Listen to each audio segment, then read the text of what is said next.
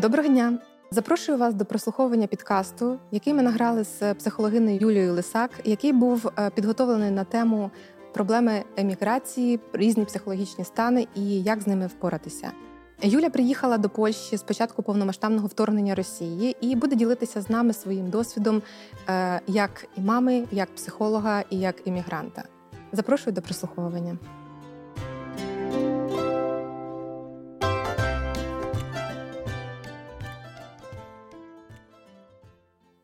Вітаю всіх, хто долучається до нашого чату. Нас уже е, зібралася тут невеличка група, і е, хочу подякувати вам, що ви зробили цей крок, що ви е, робите свої кроки е, в зміні свого життя і покращення своєї кар'єри. Е, хочу повідомити важливу технічну інформацію для тих осіб, які, е, яким потрібно переклад на польську мову. Е, прошу вибрати внизу сторіночки піктограму мова і вибрати польську мову. Для тих, кому потрібна українська мова, то може теж вибрати собі українську мову. Це із такої важливої технічної інформації. І зараз будемо починати.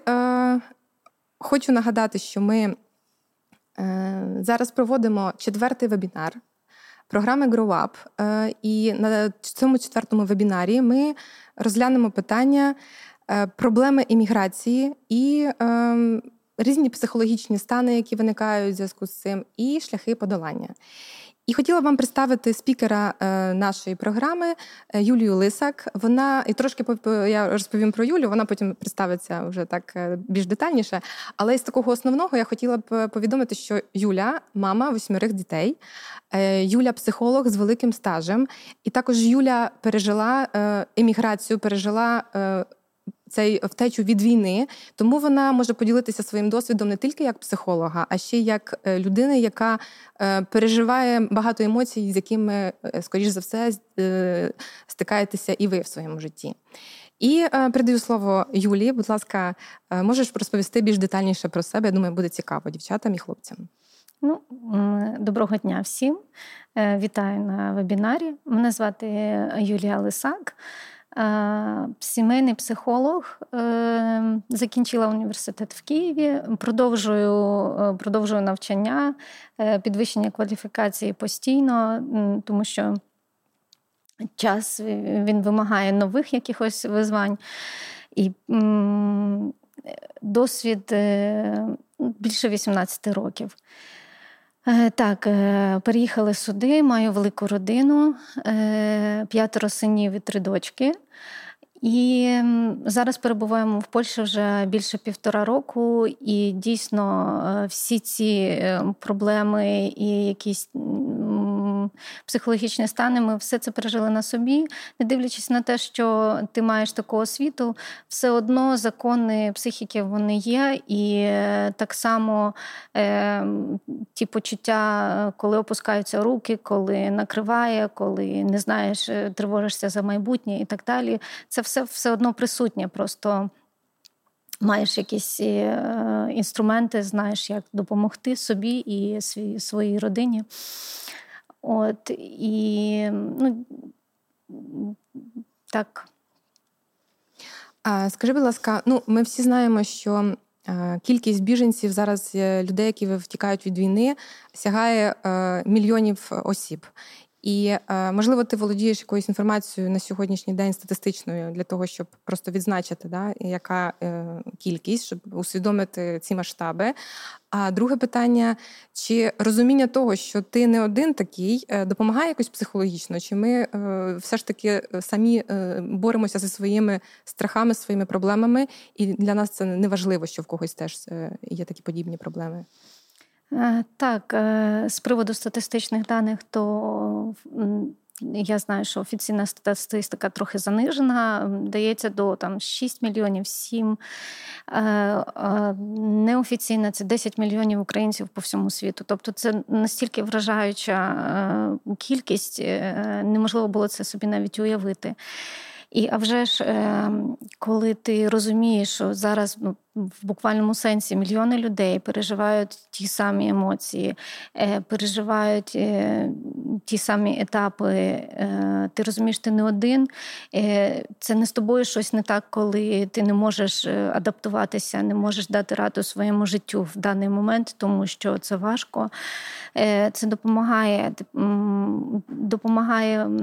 В тому, що твоя проблема не унікальна, можна знайти відповіді, можна з кимось поспілкуватися і таким чином допомогти собі.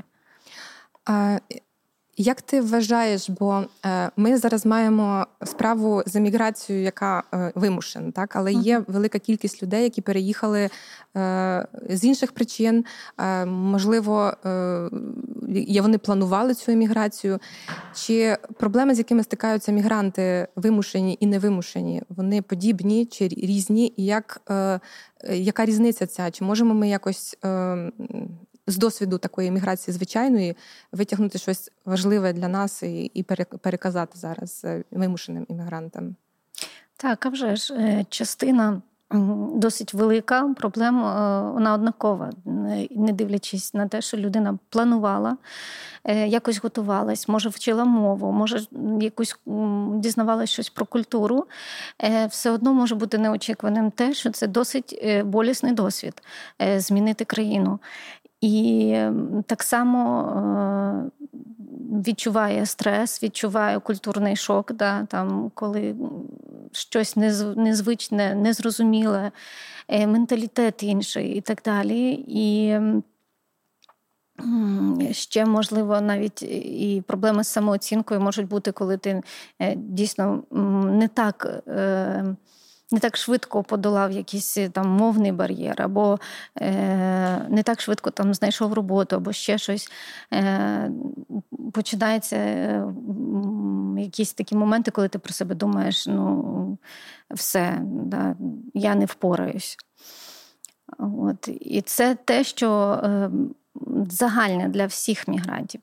Е, І ми зупинимося сьогодні, мабуть, більше на тому, з чим стикаються саме вимушені, бо це наша тема. От, Хоча вони будуть е, пересікатися це питання. А, У мігрантів, які були змушені швидко і якби покидати країну, не підготовлячись е, до цього ніяк, то рівень стресу набагато більший, е, набагато якби глибші якісь психологічні стани психічні. І нерідко зараз, на жаль, е, діагностується депресія у мігрантів. Е, ми до неї повернемось, тому що це заслуговує окремої уваги. Далі е, це те, чого немає у звичайних мігрантів, це може бути прояви посттравматичного розладу. Тобто, якщо ем, якщо е, людина пережила страшний військовий досвід або була свідком такого досвіду, то якийсь час психіка захищається, вони над цим не думають, але приходить е, приходить момент, коли вони вже в безпеці, коли все навколо добре, відкривається цей ящичок, починаються нав'язливі якісь думки, якісь е, знову картинки, і людина просто вже не може знаходитись в нормальному адекватному стані.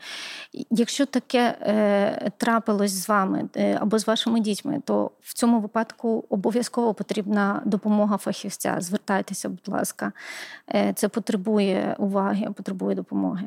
Угу. А що можливо ще якісь додаткові такі е, характеристики, ті, що е, притаманні е, саме вимушеним іммігрантам? Так, є ще декілька, наприклад, наприклад, стан невизначеності, коли Е, життя підвищ просто висить. Е, ти не знаєш, ми звідси поїдемо завтра, післязавтра, через рік, е, де ми будемо жити, як ми будемо тут влаштовуватись, чи взагалі багато питань там чи влаштовувати дітей в школу, чи як тут прив'язуватись, не прив'язуватись. То це такі. Досить складні почуття, питання. Я навіть згадую, коли мені з України питали, як ви? Ви, мабуть, вже звикли, вже як uh-huh. там адаптувалися. Я кажу, ні. Е, відчуття, наче ти на зупинці. Ти не можеш ні облаштуватись, ні нічого. Бо ось зараз прийде автобус, ми поїдемо далі. От, Але е, це, на це теж треба було звернути увагу. От коли я це озвучила, то зрозуміла, що це не зовсім нормально. Тому що життя йде кожен день е, цінний. І тому е, почала змінювати своє ставлення. Так, ми тут зараз. Якщо зможемо поїхати, ми зможемо поїхати. А зараз життя йде. Ми постараємося розібрати ці питання е, далі, і, можливо, навіть ці такі ключові відмінності вони будуть винесені в pdf документ який приготує Юля для вас. Зараз хотілося б, можливо, якраз більше зупинитися на питанні депресії, тому що Е, як ти сказала, це дуже важливо і важливо, мабуть, розрізняти, е, коли саме це депресія і коли саме тобі потрібна допомога. От як діагностувати в себе, що ти переживаєш саме депресію? Е, які мають бути там ключові такі ознаки цього? Е, спробуємо розібратися. Е, депресія це е, психічний розлад, серйозний психічний розлад, який впливає на якість життя людини досить сильно і в повсякденному житті кожен день неможливо якби, не відчувати цього впливу. Це не просто якесь зниження настрою, або там якась, якийсь смуток, да, якщо щось не вийшло, або там чогось ми там не отримали. І ми там день, два, три сумні, переживаємо цю там, плачемо. Е, але проходить якийсь час, і ми вже нормально себе почуваємо. Це не депресія. Хоча буває так, що люди використовують, я там не отримала цю роботу, то в мене депресія. Але е, зараз далі я буду говорити про ці ознаки, і це досить серйозно. І Серйозно ще треба до цього ставитись, тому що вона е, депресія, на яку не звернули увагу, е, має свої наслідки. Е, тобто, або вже маємо досить серйозні психічні розлади. Є такі, на жаль, випадки, коли людина е, вирішує закінчити життя самогубством, тому що один із одна із ознак це саме ну, бажання не існувати, бажання закінчити це все, тому що я не можу впоратись. І потрібна людина, яка вислухає, проведе, допоможе, тобто скаже: ну ні, це не так. Хотіла запитати в тебе на рахунок е, того питання, ну, тої, тої теми, що ти підняла е, самогубства. Е, яким чином можна звернути увагу, якщо в твоєму оточенні є людина, Е, і щоб розпізнати, що в людини є такі думки, чи це взагалі можливо. Тому що коли трапляються такі ситуації в житті, багато хто може звинувачувати себе, що він не зробив там багато всього, що можна було, щоб це попередити. Як це дуже важлива тема, вважаю, і як можемо розпізнати, що в людини взагалі такі думки появляються, що він е, що вона чи він можуть е, про це думати? Чи є який в принципі можливість така? Е, я думаю, може, така можливість є. По-перше, це не стається так, що секунду назад людина була адекватна, здорова і на завтра так. Але буває маскована депресія, буває так. Буває, людина сміється, буває, е, ну, поводить себе, наче природньо. Але коли це твоя рідна людина, ти все одно помітиш е, якісь зміни, бо в депресії зміни глибокі. Тобто е, я можу їх зараз перерахувати, та, на що ми можемо mm-hmm. звернути увагу. Е, Це, якщо говорити про емоційний е, стан, то людина досить часто в пригніченому стані. Наприклад, вона то може там, наприклад, нервово сміятись да, з якихось там моментів, але. Ти бачиш, що зазвичай навіть по поставі, по якимось моментам, що людина чимось постійно пригнічена. Е, практично не викликає радості нічого. Е, нічого не може потішити, ні подарунок, ні, ні просто якийсь е, такий застивший якийсь апатія. Немає емоцій. Апатія, да. Взагалі деякі там плутаються з лінією, що мені не хочеться вставати з ліжка, мені нічого в цьому житті не хочеться. І буває так, що говорять: ну візьми себе в руки, ти просто лінуєшся. А людина реально просто вже хвора і не може дати ради собі. Е, це те, що ну, от, е, в емоційному сталі, в вольовій сфері не може зібратись, не може не може прийняти рішення, зосередитись. Якби е, Це досить видно такі моменти. І на фізичному рівні це порушення сну. Вона або не спить е, до ранку, практично а потім е, е, міцно засинає, або довше спить. Це може бути більше 12-14 годин, тобто не може прокинутись. Порушення в харчовому в харчовій поведінці, тобто або відмова від їжі і е, швидка, швидкий е, втрата ваги, або компульсивне переїдання, тобто ну, такі напади голоду, коли навіть просто руки трусяться і треба щось з'їсти. Тобто це порушення е, цих нормальної поведінки. Ем, які ще моменти? На фоні всього цього можуть загостритися і захворювання, які, можливо, були якісь хронічні, е, якісь рецидиви можуть статись, або нові з'явитись. Е, часто болить голова, болить спина, болить шлунок. Тобто е, все це реально переходить на фізичний рівень, тому що це повторюю, що це глибокий психічний процес.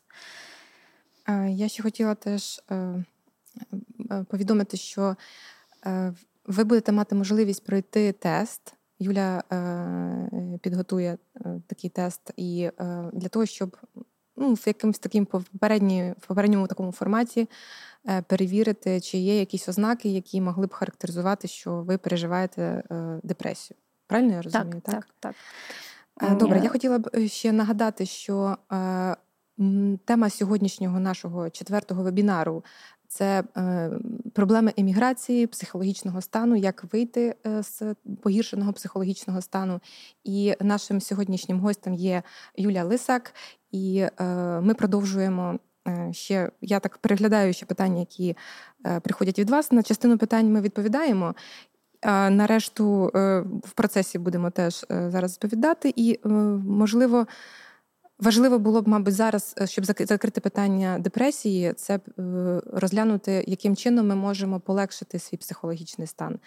Якщо навіть не стосується депресії, навіть якщо це будуть якісь е, психологічне, просто якесь виснаження, чи перевтома, чи відчуття такої невпевненості, і е, як можна було б діагностувати, і точніше, як діагностувати, як можна було б, е, яким чином ми могли б вийти з цього е, стану, чи допомогти нашим рідним і близьким, якщо ми бачимо, що вони переживають е, складний емоційний стан? Які засоби? Так, є такі якби універсальні поради, які допоможуть і просто пережити складні моменти в своєму житті.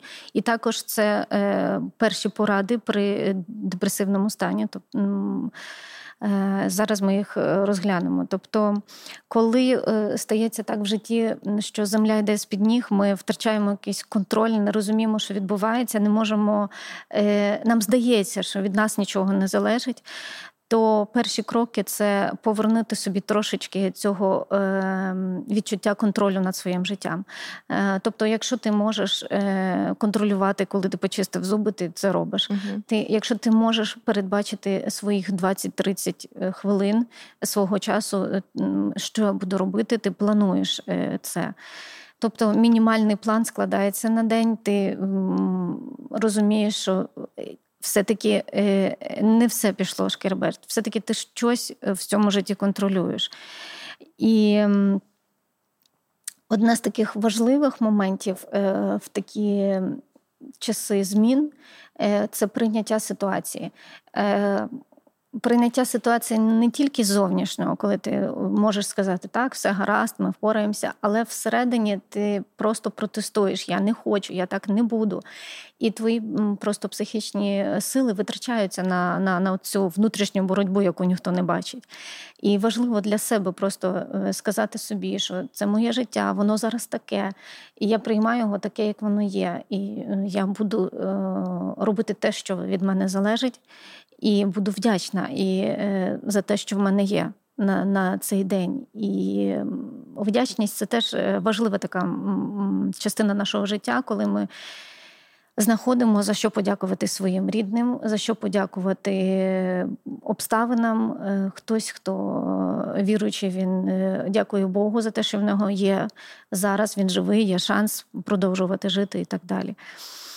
Тобто, цей момент прийняття він важливий. А що на рахунок фізич... фізіологічних таких методів?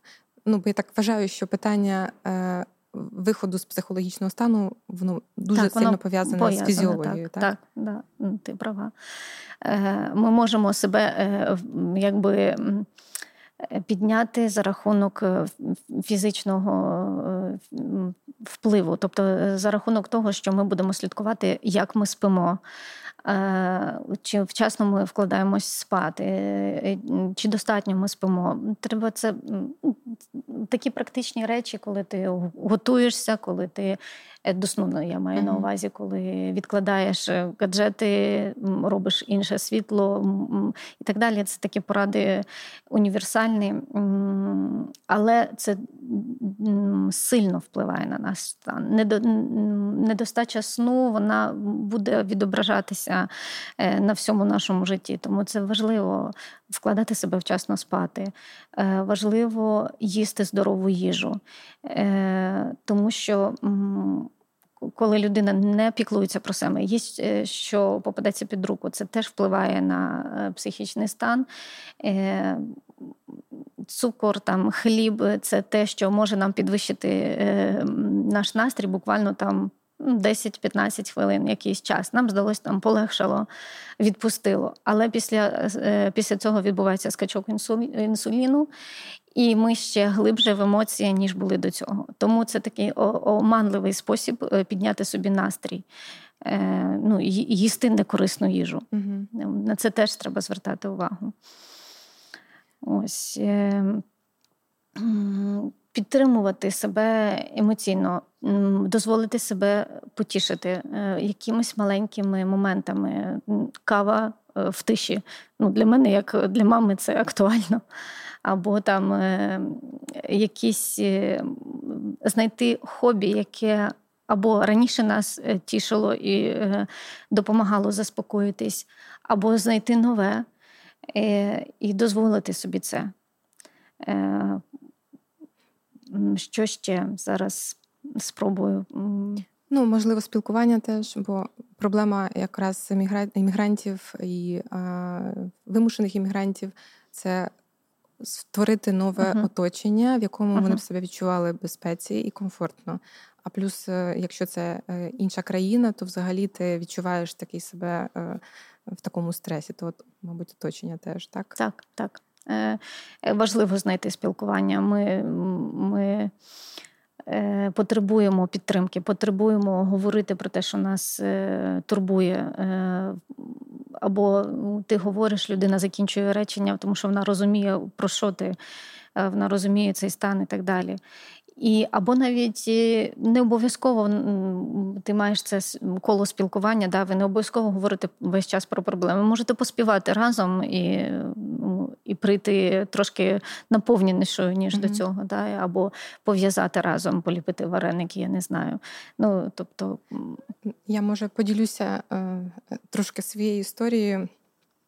Бо я переїхала до Польщі е, в 2015 році, і це була Е, така невимушена еміграція. Тобто ми е, планували переїзд і якийсь там місяць вчили мову, але питання. Е, адаптації і оточення, воно було для мене таким важливим. І для що нам допомогло? Це те, що ми приїхали, і ми одразу потрапили в таке безпечне середовище, бо я віруюча людина, і ми потрапили до костелу. І е, це була така група зразу людей, які тобі готові допомагати і в якихось е, технічних питаннях, чи якось допомогти е, юридично і психологічно. І е, я вважаю, що це надзвичайно важливо, щоб ви не залишалися самі, uh тому що так. коли сам то приходять різні думки на голову, і собі можеш придумати що завгодно. Так. А коли е, в тебе є якась група підтримки е, з боку, яка може тебе відволікти, так то uh це дуже важливо. Так. Тому оточення такий важливий елемент такого виходу із так, депресії. Так. Добре. Ще хотіла тебе спитати на рахунок, як ти кажеш, що важлива їжа, важлива фізіологічні такі речі. Ем, я так е, бачу в е, інформаційному просторі, що багато людей намагаються через алкоголь полегшити свій емоційний стан. І це якби такі певні приємності, які можуть робити, але вони також, також є небезпечними. Чи ти могла б пару слів сказати на цю тему? Як, чи, ну, Чому важливо слідкувати за цим, так?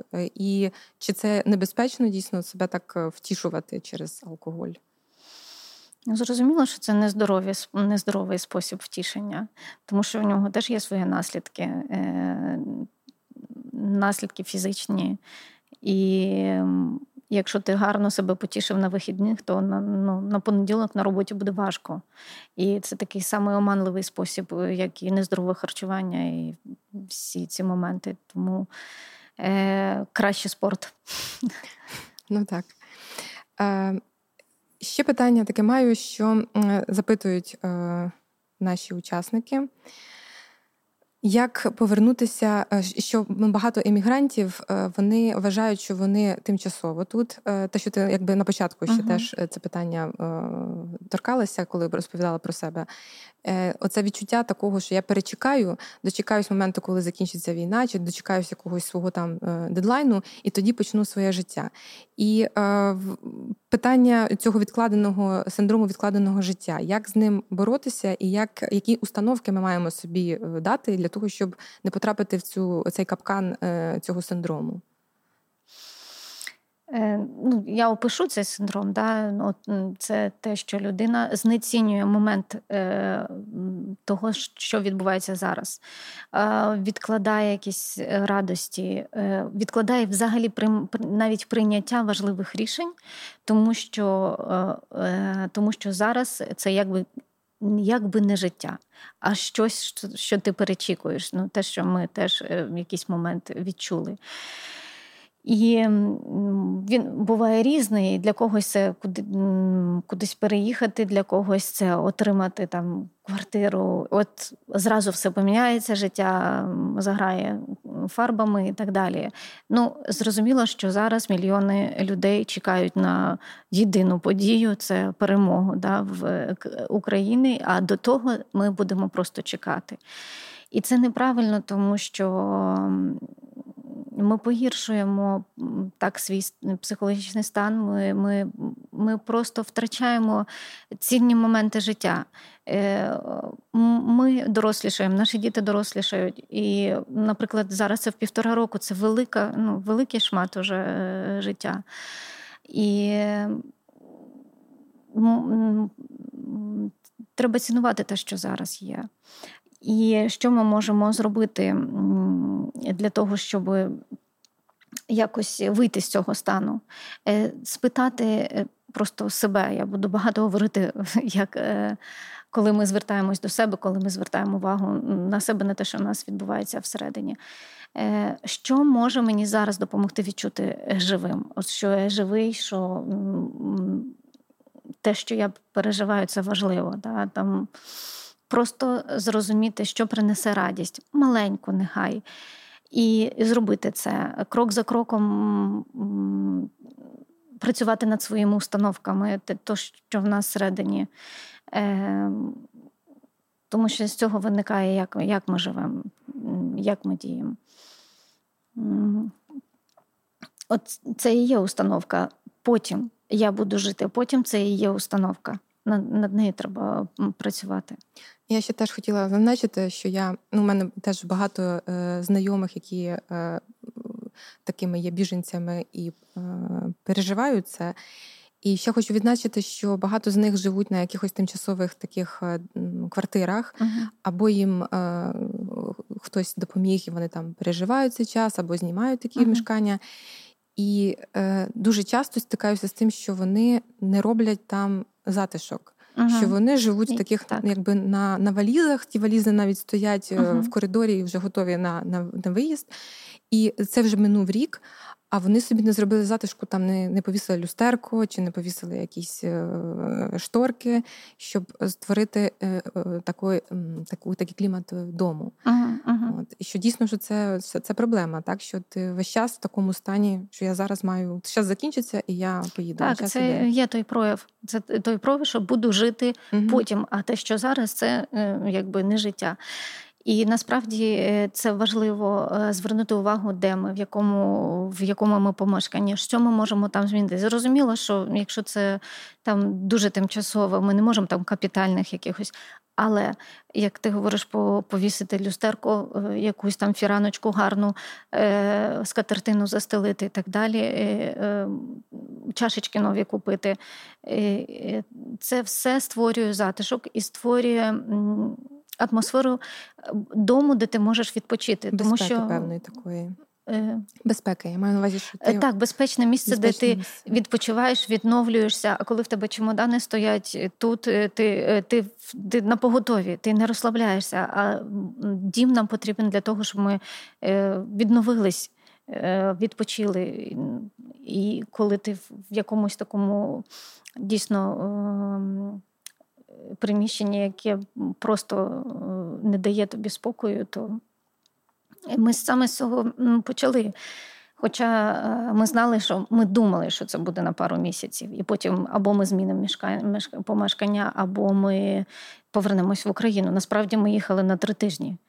І ну, і треба було з цим змиритися, що ні, ми не можемо повернутися біля нашого дому вибухи. Ми не можемо туди повертати дітей. І ми почали з того, що маленькі, е, маленькі якісь е, практичні речі, де там гачочок повісить, де там щось змінити, е, тут покривало, тут чашечки, щоб це дійсно облаштувати, щоб це було шматочок нашого угу. якби безпечного простору. Що це особливо особливо, мабуть, для дітей теж важко, бо е, дорослі ще можуть собі якось е, порадити. А якщо дитина не відчуває, що це дім, що це е, немає такого місця безпечного, то це ще набагато складніше. Тому важливо було взяти з собою шматочок дому свого, тобто дітям взяти. Я просила беріть беріть там три зміни одягу і щось рідне, цінне, Іграшку що для вас є цінним. Хтось там взяв білочку одноглазу, от там або ще щось. Е, е, хтось взяв свою гру улюблену, книжку. Я сказала, що можемо взяти тільки один е, предмет. У нас просто маленька машина, велика сім'я, і ми ще брали інших людей, які просилися, щоб ми теж якби виїхали. Тому і це було важливо, щоб хоч щось було зі свого дому. Угу. Скажи, будь ласка, е, теж от питання в нас було е, від учасників, які заповнювали анкети, це на тему відчуття провини, угу. з чим що переживають емігранти, вимушені біженці. Це відчуття провини, яке появляється, що я знаходжуся в безпечному місці, а моя родина залишилася під е, бомбами, бомбардуванням. І як боротися з цим відчуттям провини, а ще особливо теж. Е, бо теж е, якби не не від когось, а фактично сама теж розмовляла і з таким зіштовхнулася, що це відчуття провини просто колосальних розмірів у чоловіків, які мали можливість виїхати, бо вони мали на то право, і вони переживають, е, що вони, наче такі зрадники, і також і переживають і жінки. Яка була б твоя рекомендація, щоб е, справитися з цим відчуттям? Так, неодноразово я чула е, і від клієнтів, і від просто знайомих, що важко, важко з цим поратись, тому що це такі досить нав'язливі думки і ти від них відмахуєшся і і, і ем, намагаєшся про це не думати, вони знову прилітають.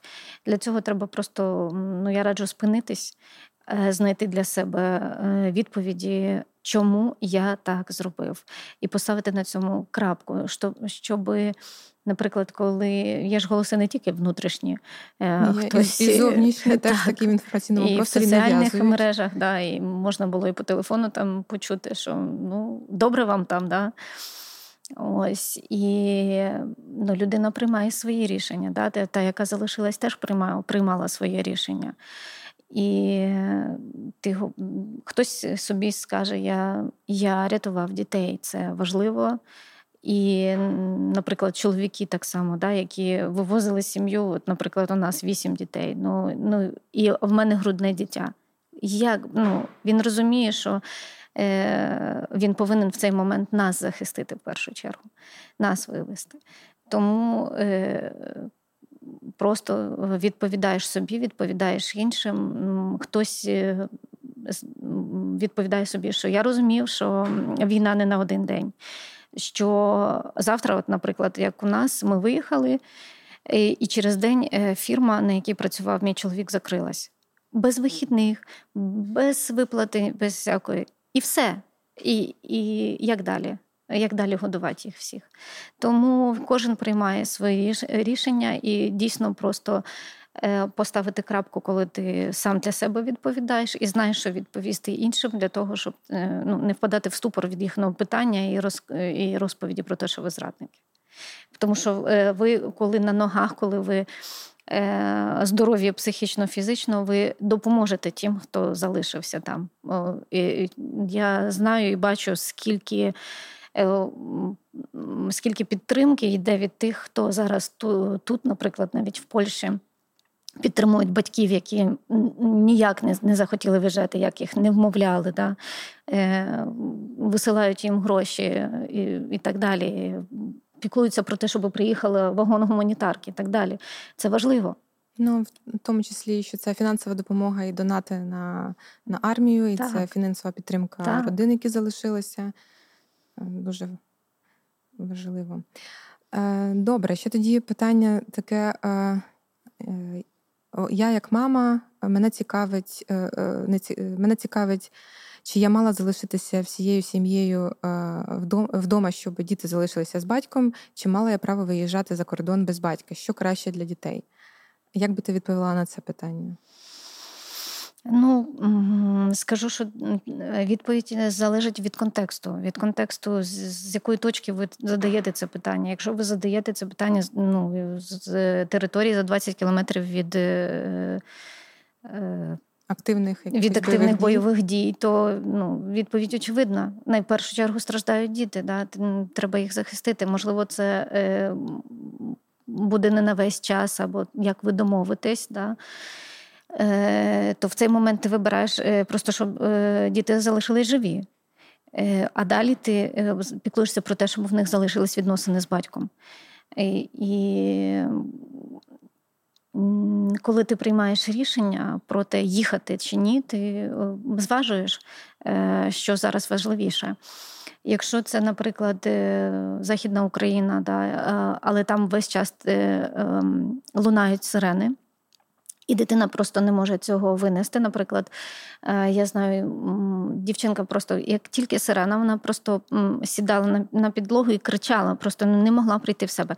Є дітки, які, яким ти говориш, ідемо, е, нам треба сховатись, вони йдуть, вони там граються, вони якось дають собі раду. А тут е, дитина, яка просто не могла жити під ці сирени. І зрозуміло, треба приймати рішення вивести, щоб дитина мала можливість розвиватися, рости далі.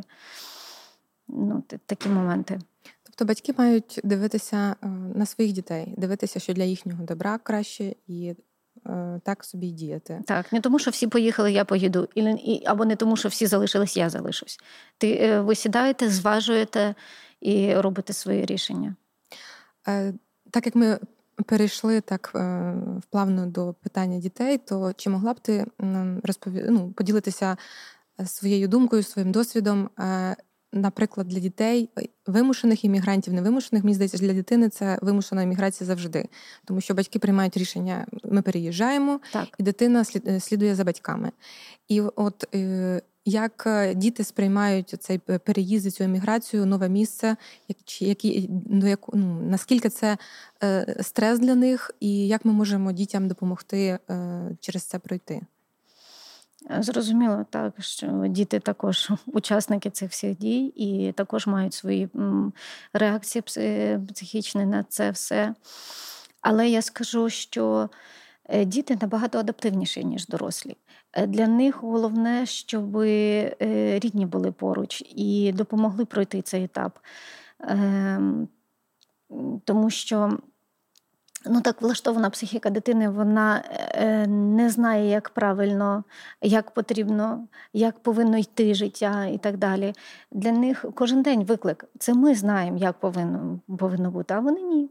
Тому е, і адаптація серед е, дітей, і вивчення мови, е, сприйняття нових правил, нової культури у дітей проходить набагато легше, ніж у дорослих. Але в цьому є плюс. Але в, в тому числі викликає певну агресію, може викликати, так? Дитина може стати агресивною, і ми можемо не розуміти, що відбувається. Може. Так, може, це зазвичай це відповідь на підвищену тривогу, яка є всередині дитини. Це виникає тоді, коли ми не пояснюємо дитині, е, чому, чому ми тут. Е, що буде далі? Ем, або вона ну ясно е, не може не бути, вона не може бути зараз в ізольованому такому якомусь своєму дитячому світі. Вона все одно чує, і інформаційний простір змінився. Вона чує, що щось відбувається. Батьки за щось хвилюються, іноді плачуть, і іноді там якісь е, моменти стаються, а з дитиною ніхто не говорить. І е, ось тоді, якраз коли почуття таке невизначеності та, і тривоги е, може спровокувати погану поведінку або агресію до себе може бути і до інших. То ліки від цього це е, виділяти час на розмови з дитиною. Якщо дитина е, маленька, наприклад, дошкільня, е, то вона говорить через гру. Коли ви е, коли ви створюєте таку якусь рольову гру, там переїзд або ще якісь моменти. То в, в цій грі вона скаже, що її хвилює. Вона скаже якісь фрази, про які ви зрозумієте, що їй в цьому моменті погано, або щось її хвилює, або чогось вона не знає. Можна малювати, можна якісь творчі заняття. так? А вже далі з підлітком немає якихось обмежень. Ми можемо говорити вже з ним дійсно як по-дорослому, і е, підлітки це цінують. Е, чесно говорити про те, що я справляюсь чи не справляюсь, чи мені там якось ну, погано, бо вони все одно це помітять. А можеш поділитися, так як е, ти маєш вісьмох дітей і в різному віці, то можливо ти могла поділитися своїм таким досвідом конкретно твої діти, як вони пережили е, цей переїзд? Е, з якими проблемами, труднощами ти зіткнулася і як ви їх подолали? Ну, е- намагаюся зараз про кожного згадати це. Е- Кожен дійсно проходив по-своєму, в залежності від того, який має темперамент. Е, хтось комусь це треба довго переварювати, хтось уже там три рази е, прийняв цю ситуацію і вже кудись е, якби. Спішить, уже підбирає там, де він буде навчатися і так далі. А, І в залежності від цього я підбирала, якби дивилась, кому чим е, допомогти, комусь інформацію, з кимось піти е, в парк, посидіти, проговорити, дати їм це е, пережити. Або один з дітей, хлопчик на онлайн навчанні, і немає тут ніякого кола спілкування і ні, ніяких ем, точок дотику е, до суспільства. Тому е, для нього ми шукали якийсь е, гурток або якісь. За інтересами, да, там, mm-hmm. де можна пограти, де збираються, наприклад, підлітки, грають там якусь гру, де він міг би е, спілкуватись, тому що залишився ізольований, бо частина дітей пішла до польської школи, частина з якихось причин е, залишилася у, в українській. Ще теж так е, питання, як до, ну, до психолога, бо е, такий психологічний аспект. Я е, розмовляла з е, дівчинкою-підлітком, яка ділилася своїми переживаннями еміграції. І вона казала, що е, коли вона переїхала до іншої країни і вчила мову, вона не вміла ще розмовляти, то вона відчувала певне таке роздвоєння особистості, що вона е, своєю рідною мовою одна людина, яка може там е, жартувати, може собі виражати, саме виражати себе е, так, як вона звикла. А в іноземній мові вона перетворюється на таку закриту і, е, вважаючи на такий більш обмежений словниковий запас, вона не може виразити свої емоції, передати. І вона каже, що вона відчувала таке якби роздвоєння особистості. Чи ти можеш якось як професійно порадити, чи це це, це нормально, чи чи треба якось з цим справлятися? Чи це просто такий перехідний період, що ти маєш це пережити? Мені цікаво, як е, дитина це описала, як роздвоєння. Ну да? так, як роздвоєння. Да. Ну, Насправді ну, ніякого відношення до роздвоєння це немає. Просто у, е, у дитини були обмежені, е, обмежені можливості в мові. Вона дійсно не могла себе проявити, і це дійсно, якби їй здавалося, що це якась інша людина, бо може тільки угу, угу, ну, утруючи, так. Так само це був бар'єр для мого сина, наприклад. Він каже: Ну ну для чого я туди піду? Ну, я можу тільки мовчати і дивитись на них. Я би хотів би з ними пожартувати, поділитись тим фільмом, який я там, а я не можу. Я ну, я кажу, добре, ну який шлях? Ну, ми тут залишаємось, тобі треба це зрозуміти. Ми не їдемо додому. І, А потреба в спілкуванні в тебе є. Ну, який шлях? Він спочатку дуже е, не хотів вчити мову, і не хотів сприймати, не, і казав, я її не розумію. Я кажу, не можеш не розуміти. 80% спільних, спільної лексики не можеш не розуміти. Тобто це такий це був такий протест, бар'єр, да, протест. і він дійсно не розумів. Тобто він е, сказав собі, я не розумію. І е, абсолютно потім, коли він з цим змирився, потім е, змирився з тим, що він тут буде продовжувати навчання. Він закінчує е, школу, і треба далі продовжувати навчання. І ми вже вибрали техніку. Коли він зрозумів, що ну такий шлях зараз, то почав вчити мову, і зараз е, ну, цей бар'єр вже подоланий. Ну, Він е, він навіть вже отримує задоволення від того, що він може спілкуватися. І що я завжди наголошую, е, що все, що ми вивчили, це наше багатство. Угу. І повернемося в Україну, ну, це з нами. Так. Е, Чи можеш ти відмітити? В яких випадках батьки мають звернути увагу е, на психологічний стан е, дитини, і коли потрібно звертатися до фахівців, коли потрібна допомога фахівців? Чи якось які, які мають бути ознаки, на що потрібно звернути увагу? Е, зрозуміло, що і ми, і діти переживають стрес, і в більшості випадках не потребуємо не потребуємо допомоги, лише уваги один до одного. Е, навіть якщо так сталося, що якийсь е, такий переломний момент, а можливо, е, навіть дитина поскаржилась, мене там болить як у серці, або там тремтять руки, або якісь там такі моменти, це ще якби не діагноз, не панічна атака, це переживання стресу, і це нормально. Ми не можемо ну, якби не реагувати на ці моменти, які зараз відбуваються там, наприклад, в Україні і так далі, і з нами. І е, тут е, порада бути уважними до дитини. Да? І якщо ми бачимо, що щось не так, то приділяти увагу спільному часу з нею і так далі. Е, але якщо дійсно такі моменти звичайні заспокоєння, е, там е, розмови і так далі, обійми ніяк не впливають, я маю на увазі довгий час, тиждень, два. Ті самі ознаки, що порушився сон, порушилось, порушилось звички в харчуванні, Е, якісь такі моменти, або дитина починає якісь там собі наносити ушкодження, да, там щось такі моменти. А вже ж треба йти до спеціаліста і е, далі вибудовувати е, план дій.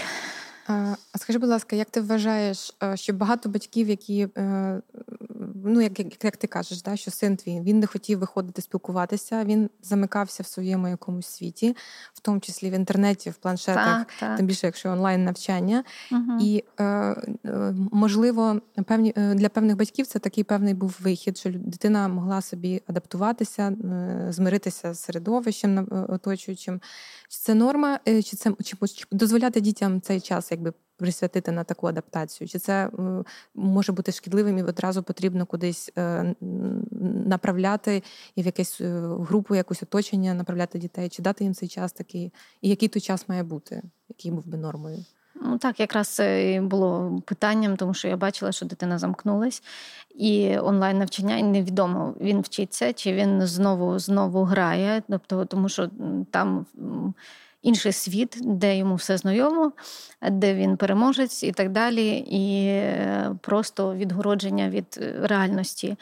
І здається, що це так е, так якби легше. Дитина не заважає, дитина тут видно, що вона робить, там і, ну, якби в безпеці в безпеці знаходиться. Да, І таке таке відчуття, що все все гаразд. Але насправді ну, насправді дитина, яка не спілкується, яка не розвивається, це негативно впливає на її і подальший розвиток, і так далі, і на, на психологічний стан все одно. Прийде час, коли треба буде звідти вийти з, з, е, з того віртуального світу. Тому е, не залишала це питання і раджу батькам так не робити, і все-таки е, виводити, показувати, що життя яскравіше. І в цьому інколи є, є проблема, тому що здається, здається, що життя скучне, сумне, немає е, розваги в ньому. І приходиться просто е, показувати, як е, можна собі в цьому зарадити, як можна як можна вчити проводити час, вчити використовувати ці моменти, коли тобі сумно для творчості. Ну, це таке певне визвання е, для батьків, здається, тому що вони в певному моменті мають присвятити себе е, так. цьому, так якось організувати цей час, е, витягнути дитину так. кудись на дозвілля. А ще враховуючи, що вони знаходяться в іншій країні, самі переживають цей стрес, мають шукати працю. Так, це то важко. це, це дуже важко. От. Але через це приходять багато родин і. Ми будемо сподіватися, що всі знайдуть собі сили. І навіть якщо ви зараз знаходитеся на цьому вебінарі, це говорить про те, що ви робите ці кроки, що ви прийняли для себе рішення е, рухатися вперед, е, робити кар'єру, шукати працю, адаптуватися до цих всіх обставин. І я хочу сказати, що ви е, дуже сильні. Ви навіть сильніші, ніж ви можете думати про себе. І за це вам велике Так. Добре, ще одне питання на рахунок е, в темі в тематиці дітей. Е, багато дітей сумують за татом, за бабусею, які залишилися е, десь за кордоном. Це стосується і як і вимушених іммігрантів, так і невимушених.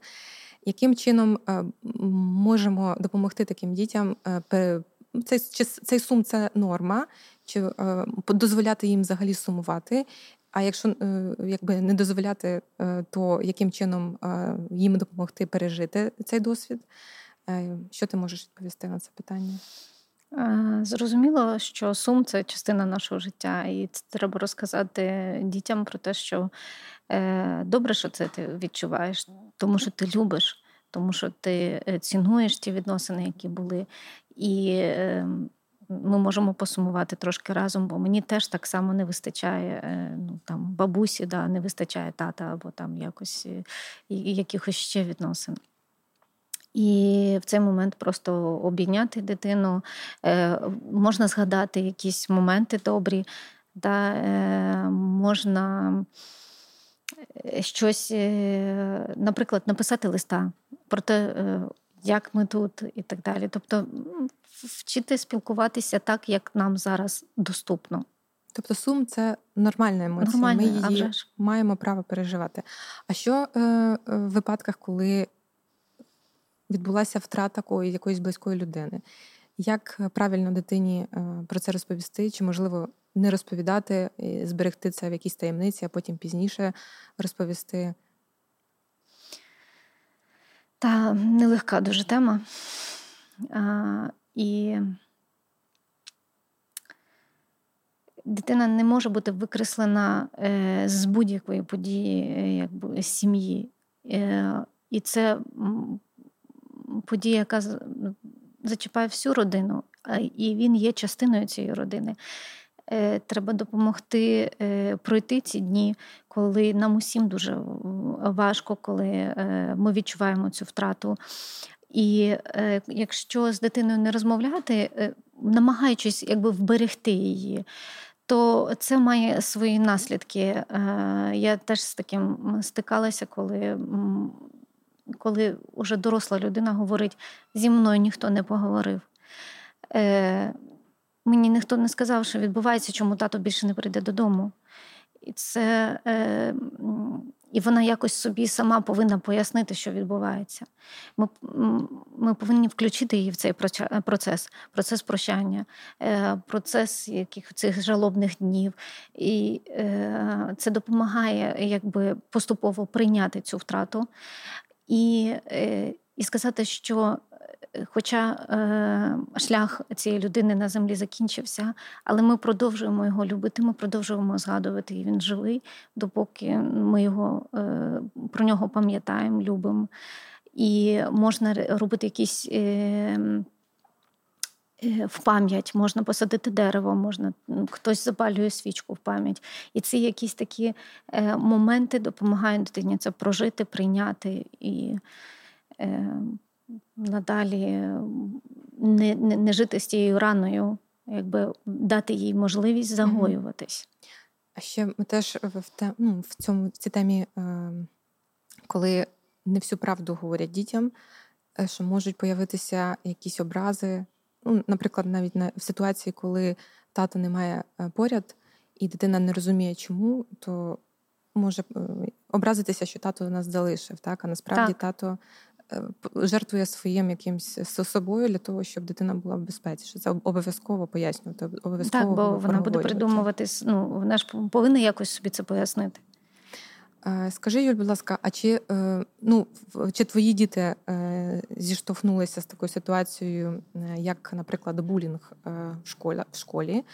Бо я знаю, що від е, від різних е, людей, які знаходяться в різних куточках світу, що є ситуації, коли ну окрім того, що булінг є такий, як як е, явище в серед дітей, uh-huh. то ще є булінг по національній якійсь ознаці, коли, наприклад, що ти українець, і якщо там в сім'ї певні там свої свої погляди, що дитину провокують, і, і якби по ну, через те, що там українці. Що б ти сказала, ну, як справлятися з цією ситуацією, чи залишити, е, що воно саме з собою якось розв'яжеться, що це перест... ну, просто перестане бути, uh чи е, якось е, активно на це відреагувати? Ну, я скажу, що булінг це якраз е, та проблема, на яку треба активно реагувати. Е, воно само практично ніколи не розв'язується.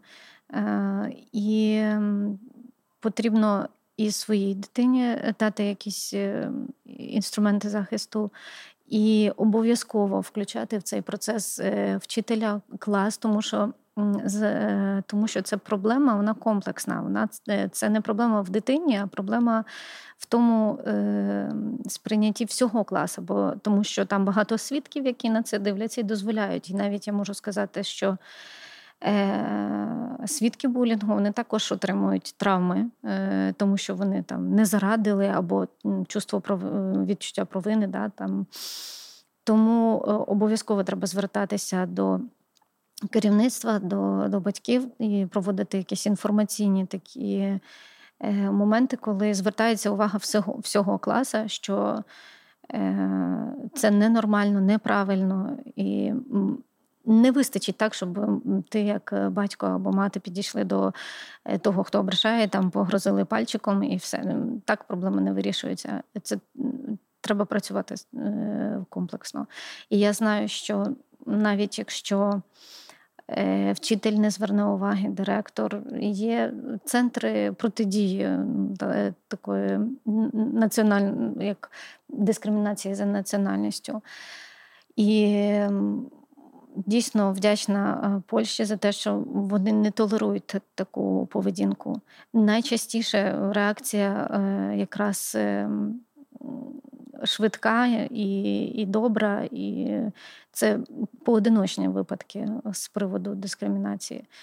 І в нас був такий момент з одним із синів. Ми, е, я, Мені прийшлося йти до школи, розмовляти, і е, проводились е, на цю тему і з, з батьками, і з вчителями. такі як консультації, що ми можемо зробити, і так далі. З, з боку мого сина теж ми якісь моменти проговорили, зробили. Ем, і зараз е, зараз ситуація таким чином повернула, повернулася, що ем, хлопчик продовжує свій, але клас по-іншому реагує. Вони типу, е, вони розуміють, що проблема не в моєму сині, а проблема в тому, хто е, це говорить. І він втратив навіть повагу класа і так далі. І а син говорить: я просто вже ну, не звертаю уваги, тому що ну. Ну а що б ти порекомендувала е, конкретно, як реагувати дитині на таку ситуацію? Що вона чи вона має відповідати, чи вона має просто Е, не відповідати, чи е, бо, наприклад, діти можуть боятися пожалітися, бо їх будуть називати ябідами, що вони там жаліються, і вони можуть тримати цю ситуацію в собі, просто е, переживати самостійно. Чи дитина має розповідати, і як вона має реагувати на таку ситуацію? Так, я говорила синові, що ти не повинен справлятися з цією ситуацією один. Хоча він хотів бо це підліток, і зрозуміло, так само я сам справлюсь. Але е, я пояснила, що не зовсім ситуація від нього залежить. Е, з приводу, як реагувати дитині, так, то е, най, найочікуваніша реакція від того, хто ображає, щоб дитина почала почала ображатись, почала, щоб це мало якийсь вплив. Е, тоді він отримує задоволення. Тобто, якщо дитина засмучена, плаче, кричить, або закривається, або не хоче більше приходити в школу, о, він досяг. Коли е, коли ти не даєш е, цієї реакції, цієї відповіді, коли тебе це не не торкається, перестає бути цікавим це робити. Угу. Тому дати дитині якісь прийоми, щоб вона могла заспокоїтись, принаймні зовнішньо, не подати виду, що це е, її торкається. Е, добре. І е, ну, ще можливо теж питання вивчення мови, так що багато батьків якраз на тему відкладеного життя, що вони акцептують це відкладене життя і, можливо, не приділяють такої великої уваги швидкому вивченню мови і залишаються на, на такий на самотік. Тим більше багато дітей залишалися на онлайн навчанні в Україні, uh-huh. і вони е, не ходили до польських шкіл, вони не мали можливості вивчити мову. І потім, е, коли вже батьки усвідомили, що ми залишаємося, то прийшло питання, що потрібно знати мову. Е, що можливо, якби може я від себе ще теж хотіла б акцентувати, що для того, щоб дитина швидше адаптувалася, вона потрібна, їй потрібно вчити мову. Тоді вона зможе відповідати, тоді вона зможе самовиразитися, е, дати відсіч навіть в ситуаціях, коли потрібно е, дати цю відсіч, так постояти uh-huh. за себе. Uh-huh. Що мова це інструмент, і е, теж багато дітей, можливо, не хочуть вчити е, якусь конкретну мову, хочуть якусь там е, іншу. Е, і що вважають, що якщо вони у них якийсь ліміт є на мови, просто з досвіду е, своєї племінниці, що вона каже, що я хочу вивчити от тільки цю, і більш мені не треба. Тобто може настроїти налаштувати дітей, що вивчення мови це інструмент. Ти володієш так. ще одним інструментом, і ти тобі треба чим швидше ти ним володієш, тим ти легше і краще зможеш е, адаптуватися. Так, ну це якраз такий час, коли ми на своєму житті можемо це продемонструвати. Це вже абсолютно не теоретичне знання. Коли вони бачать, е, бачачи, що ми там не були готові, да, і вивчаємо просто е, вивчаємо цю мову для того, щоб швидше адаптуватись, знайти кращу роботу, е, тому що є освіта і, і так далі. І дійсно ти і прикладом, е, і поясненням показуєш, розказуєш, що це необхідно. І ми говоримо ту фразу: скільки мов знаєш, стільки раз ти людина. Це е, ти не знаєш, як складеться життя, і ми можемо це розказати, показати, що ми планували так. Ми знали, що один буде тут навчатися, другий тут, і так далі. Але все, ем, все переграно. І Е, коли ти е, можеш з цим впоратися, мова це дійсно інструмент. Чи можемо ми вимагати від себе так глобально бути, е, справлятися ідеально з усіма проблемами? Я вже ж ні. Ну, Це так очевидне, може, так. таке Але інколи хочеться. питання. Інколи хочеться просто е, чи, чи е, це переживання стресу, що я буду дуже сильною, що я не покажу. Е, чи це теж норма бути таким супер, суперсильним? Чи це нормально показувати свої слаб, свою слабкість? Так хочеться. Хотілося б бути завжди ідеальним, з усім впоратися, показати дітям приклад і так далі, а це неможливо. І інколи це просто навіть розчарування в собі. Ти тримався, тримався, ти посміхався, а потім бас, ти посеред е, нервового зриву, коли ти себе вже не контролюєш. І бо все одно все одно це накопичується. Та, та напруга вона накопичується. Тому е, моя порада, що будьте до себе добрими, е, давайте собі відпочивати, давайте собі. Час на відновлення, час е, і, і, і приймати себе таким в різні моменти. Тобто, навіть якщо ви десь е, зробили щось не так, ви розумієте, що це нормально, пробачаєте, йдете далі. І це теж є приклад е, здорового способу життя для дітей так само що ми є різні, ми можемо помилятись. Е, якщо ти добрий до себе, якщо ти даєш собі відпочивати, якщо ти піклуєшся про себе фізично і так далі, то, то ти будеш добрими до інших. Питання, наприклад, тої ж адаптації дітей, воно дуже пов'язане з тим, що батьки себе почувають впевнено, так? А впевнено не почувають тоді, коли вони мають е, фінанси, роботу uh і е, багато біженців е, вони якби в своєму в своїй ситуації стикаються з проблемою якраз пошуку роботи. Е, ну, Це така якби очевидна е, річ, що Багато е, біженців приїхали е, в країни, їх тимчасово прихистили, дали можливість десь, можливо, якийсь певний час е, мешкати, проживати. Але в певному моменті приходить час на те, що ти маєш робити наступний крок. Ти маєш ставати самостійним, шукати роботу. І багато хто стикається з проблемою якраз через мову і пошук праці. І тому багато із наших учасників, які сьогодні на вебінарі, вони якраз е, сьогодні з цією, проблемою і борються. Так? Е, хочу так відзначити, що ситуація з працевлаштуванням зараз в Європі і в Польщі вона е, така сприятлива для біженців, тому що відкрився ринок праці. Може, ти приїжджаєш і ти можеш відразу працювати. Uh-huh. Так не не було завжди. Багато хто приїжджав сюди е, в такій плановій імміграції. Вони е, потребували такого довгого часу на легалізацію, отримання різних дозволів. Потрібно було зібрати кучу документів, і це все тривало довгий час. Це була дуже складна процедура. Зараз ця процедура е, спрощена ти можеш зразу приступити до праці, тільки питання до якої. Uh-huh. І е, якщо говорити про польський ринок праці, то згідно з статистичними даними, він е, досить такий е, живий і потребує працівників. Тобто рівень безробіття досить низький, роботи вистачає, тільки йти і працюй.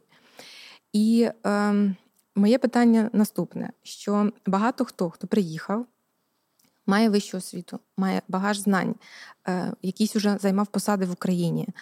І е, в імміграції вони вимушені приймати рішення йти, наприклад, на роботу низькокваліфіковану. Чи е, впливають наші якісь такі певні стереотипи е, життєві, які були нам там нав'язані, що не будеш вчитися, підеш мити підлогу, і тобто таке е, приниження е, фізичної праці, uh що вони впливають на емоційну е, адаптацію за кордоном, тому що це ж не обов'язково, що ти будеш мити підлогу до кінця свого життя. Це просто такий інструмент теж виходу да, із ситуації. Ну як ці стереотипи впливають, і що б ти могла б порекомендувати таким людям? Е, так, насправді багато залежить від нашого настрою, від того, як ми мислимо, е, яку ми вибираємо стратегію в житті, так і е, однакові обставини можуть абсолютно по-різному люди переживати і робити висновки і діяти. Навіть з тим же миттям підлоги. Да? Для когось це все, це кінець це крах всіх моїх е, якби, побажань і всього, тепер я буду тут, і я з цього не виберусь, тому що тому що треба постійно приносити гроші і, і так далі. А хтось сприймає це як трамплін. Е, що ось зараз е, зараз я справлюсь з цією ситуацією на хліб так, але я тримаю собі в голові, що в мене є ціль знайти добру оплачувальну роботу згідно зі своєю освітою, згідно з усім тим досвідом, з яким ми приїхали. Це ж наша цінність. І дійсно, от як людина налаштована, так вона далі собі і діє. Тому підбадьорюю. Не опускати руки і сприймати це як дуже тимчасове явище, коли ви, наприклад, вимушені е, виконувати зараз якусь не таку роботу. Всяка робота вона є поважною. Е, Людина, яка сама себе забезпечує, це вже е, ну, достойно поваги. Тому просто відслідковувати свої, як я до цього ставлюся, які думки у мене, і е, мати собі ціль йти до неї.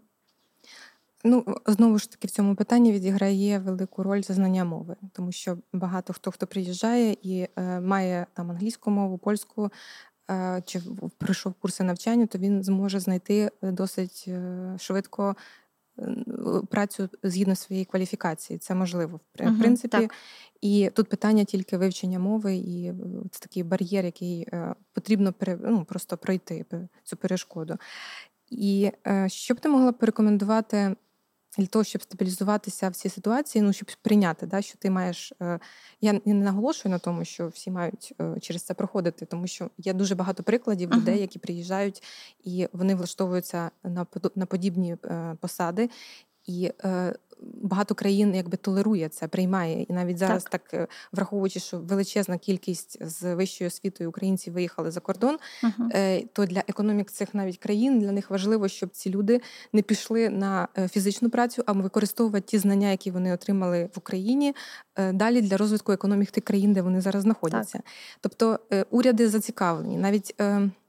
Якщо казати про е, нашу сьогоднішню ситуацію, так що ми ви знаходитеся зараз в програмі е, в фундації Мама працюй, яка допомагає якраз мамам, е, які повертаються на ринок праці, мамам з дітками, чи вони, наприклад, там мали якусь вимушену перерву, чи вони були в декреті.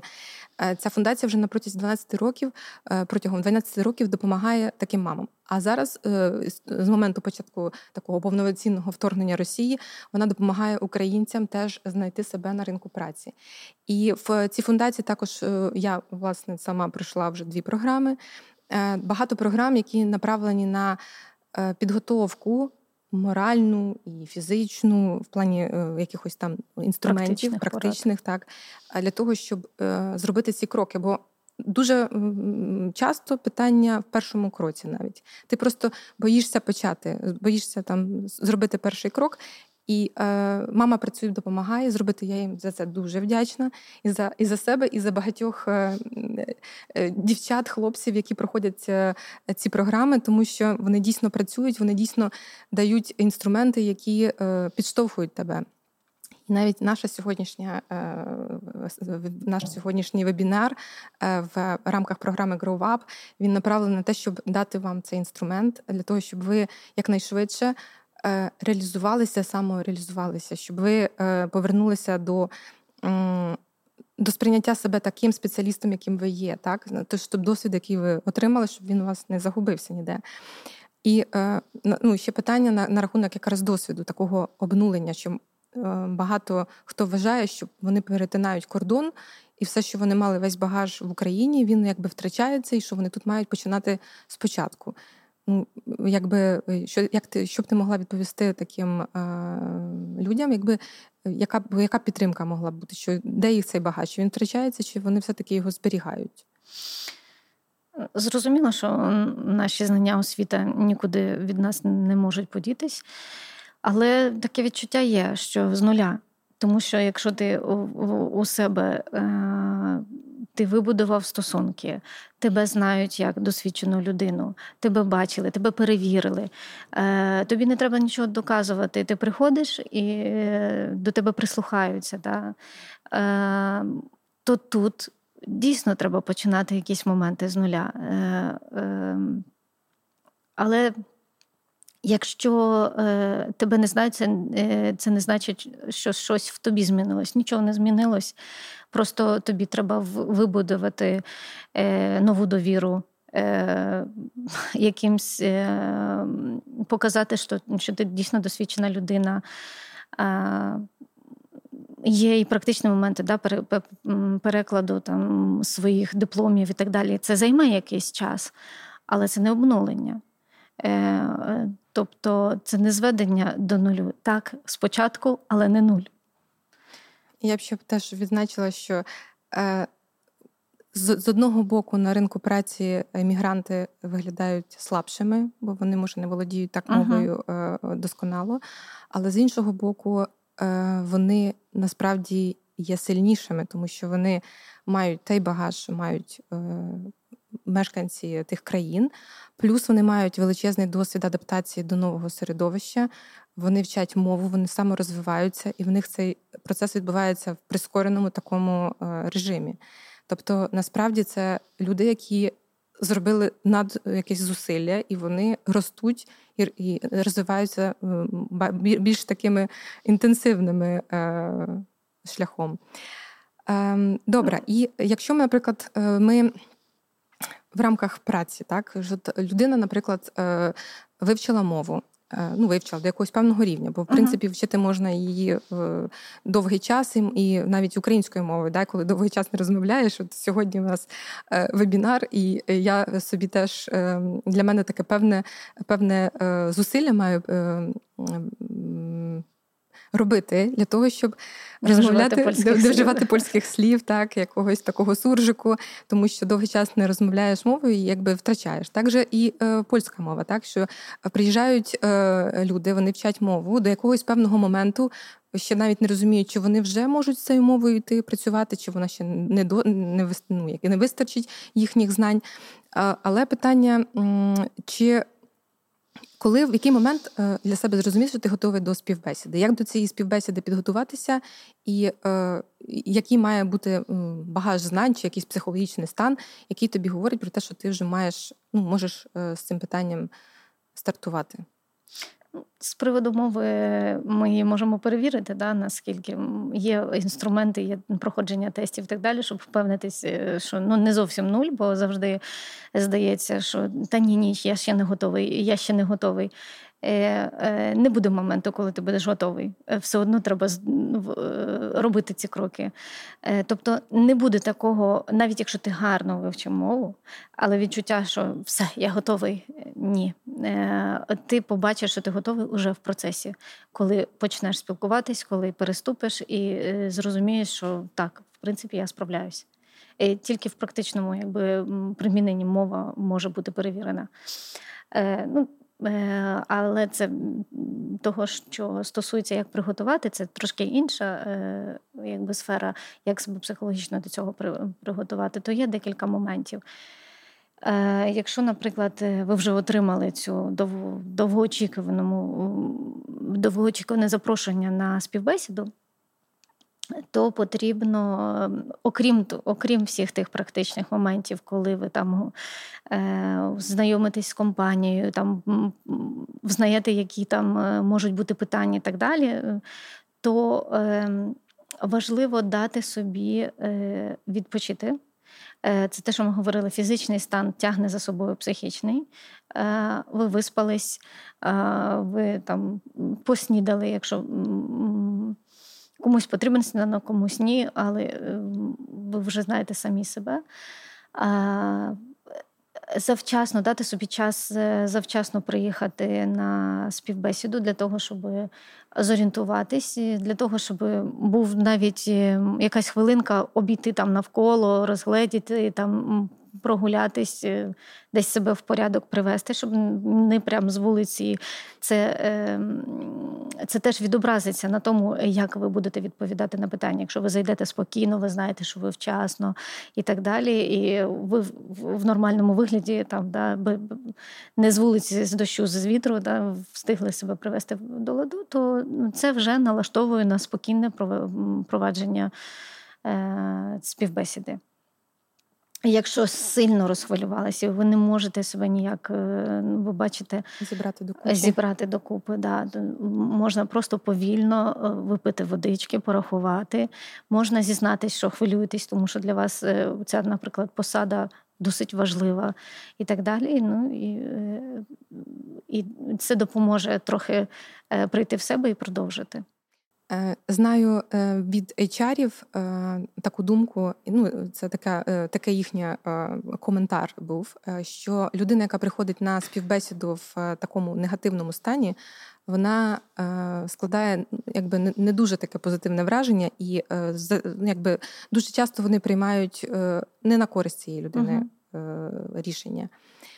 Тому дуже важливо е, бути в такому такому позитиві, підготуватися до цього психологічно. І е, як ти сказала, що потрібно мати е, підготовку фізіологічну, да, там добре виспатися, їсти і так далі. Питання, ну, якби питання і навіть такий коментар до е, жінок і чоловіків, які е, як біженці зараз знаходяться і шукають роботу, що вони якраз цей синдром відкладеного життя і відкладених якихось речей, економії якихось фінансів, він позначається на зовнішньому вигляді, на е, якомусь такому емоційному, в тому числі стані. Чи як ти вважаєш, що ця підготовка вона має бути така ну, поверхня, чи вона все-таки має переходити десь глибше, да, там копнути? турбуватися про себе, пофарбувати волосся, чи можна собі це дозволяти, е, якби бо ти, наприклад, донатиш на ЗСУ, як я можу донатити, е, точніше, як я можу пофарбувати собі волосся, якщо я маю відправити, допомогти там рідним, близьким, там друзям, і що жінки забувають про себе, про свій зовнішній вигляд. І як це все спри... ну, як це сприймають HR, як ти вважаєш, і як до цього е, підходити до такого фінансів на себе? Е, тут декілька питань в одному. Так, вибач, я так трохи можу. Е, але ну, нічого, розберемось потрошку. З приводу зовнішнього вигляду, так, е, HR – це люди, які налаштовані прочитати в перші секунди. Одразу і охайність, і настрой, і ем, поставу, наскільки у вас розправлені плечі. Це просто долі секунд у вас є на те, щоб справити враження перше. Е, тому це важливо е, е, з приводу донатів. Да, там, Якщо ти думаєш одномоментно, да, ти не дозволиш собі пофарбувати волосся, привести себе до ладу і отримати роботу. Якщо ти думаєш наперед, я отримую роботу, і я потім в 10 разів більше віддав на ЗСУ, ніж ну, ніж я зекономлю на фарбуванні волосся. Ну, Це такі да, з приводу зовнішнього вигляду, так. Ем, це важливе е, питання, важливе яке враження ти справляєш е, на HR. Важливо навіть е, не не тільки охайний одяг, чистий одяг, да? ну це зрозуміло, це в першу чергу, але і стиль, колір, який ти підібрав, е, приходячи на співбесіду. Чи знання, я так теж це риторичне, можливо, питання, чи знання законодавчої бази надає тобі впевненості. Е, ну, Тобто ти приходиш на співбесіду і е, не володієш інформацією, які взагалі умови на ринку праці, на яких умовах тебе е, можуть взяти, так? І багато біженців вони цією інформацією не володіють. Наскільки це важливо, як ти вважаєш, і підготуватися навіть в таку, ну, в такому ключі, розуміти, на що ти можеш розраховувати навіть такі базові якісь умови? Коли ти знаєш правила гри, ти впевненіший. Е, Ти е, знаєш, на що ти можеш погодитися, на що ні, на що ти маєш право, на що ні. І е, ти одразу тоді ведеш розмову по-іншому. Е, Тобто ти не, не з позиції, що візьміть мене куди-небудь, е, або ще якось. Е, Ти знаєш, чого ти хочеш, і на що ти можеш розраховувати. І коли людина так себе поводить, то навіть якщо б е, хотілося, наприклад, роботодавцю е, мати до тебе інше відношення, він просто не зможе. Е, теж така є думка, що е, такий якийсь план або якась така карта дорожня дій вона допомагає, ну як інструкція є для пілотів, там і що вони мають робити в якійсь такій кризовій ситуації. Е, можливо, варто було б щось би таке зробити е, для себе, наприклад, створити таку дорожню карту твого виходу з якоїсь кризи або пережиття цього етапу такого життя міграції, чи початку, хоча б так, е, адаптації. Чи ти щось знаєш про такі інструменти, як як така карта, чи що б ти могла б порекомендувати нашим глядачам? Е, це вже е, мається на увазі такий підсумковий е, якби, момент, уже не стосуючи, який так не стосується роботи. Ну, так. Правильно я тебе зрозуміла? Так, так. Але а. якби він стосується теж роботи, тому що е, ти ж можеш собі запланувати і свою якби, кар'єру, так ну або чи кар'єра, чи адаптація, чи навіть якщо ми говорили про період такий життя, коли ти маєш зробити якусь роботу, яка тобі не подобається, але тобі треба просто е, забезпечити собі безпеку і базові потреби. То ти маєш все одно мати якийсь план собі, як ти е, рухаєшся далі, так? Але ну, але це може стосуватися взагалі життя, не тільки е, кар'єри.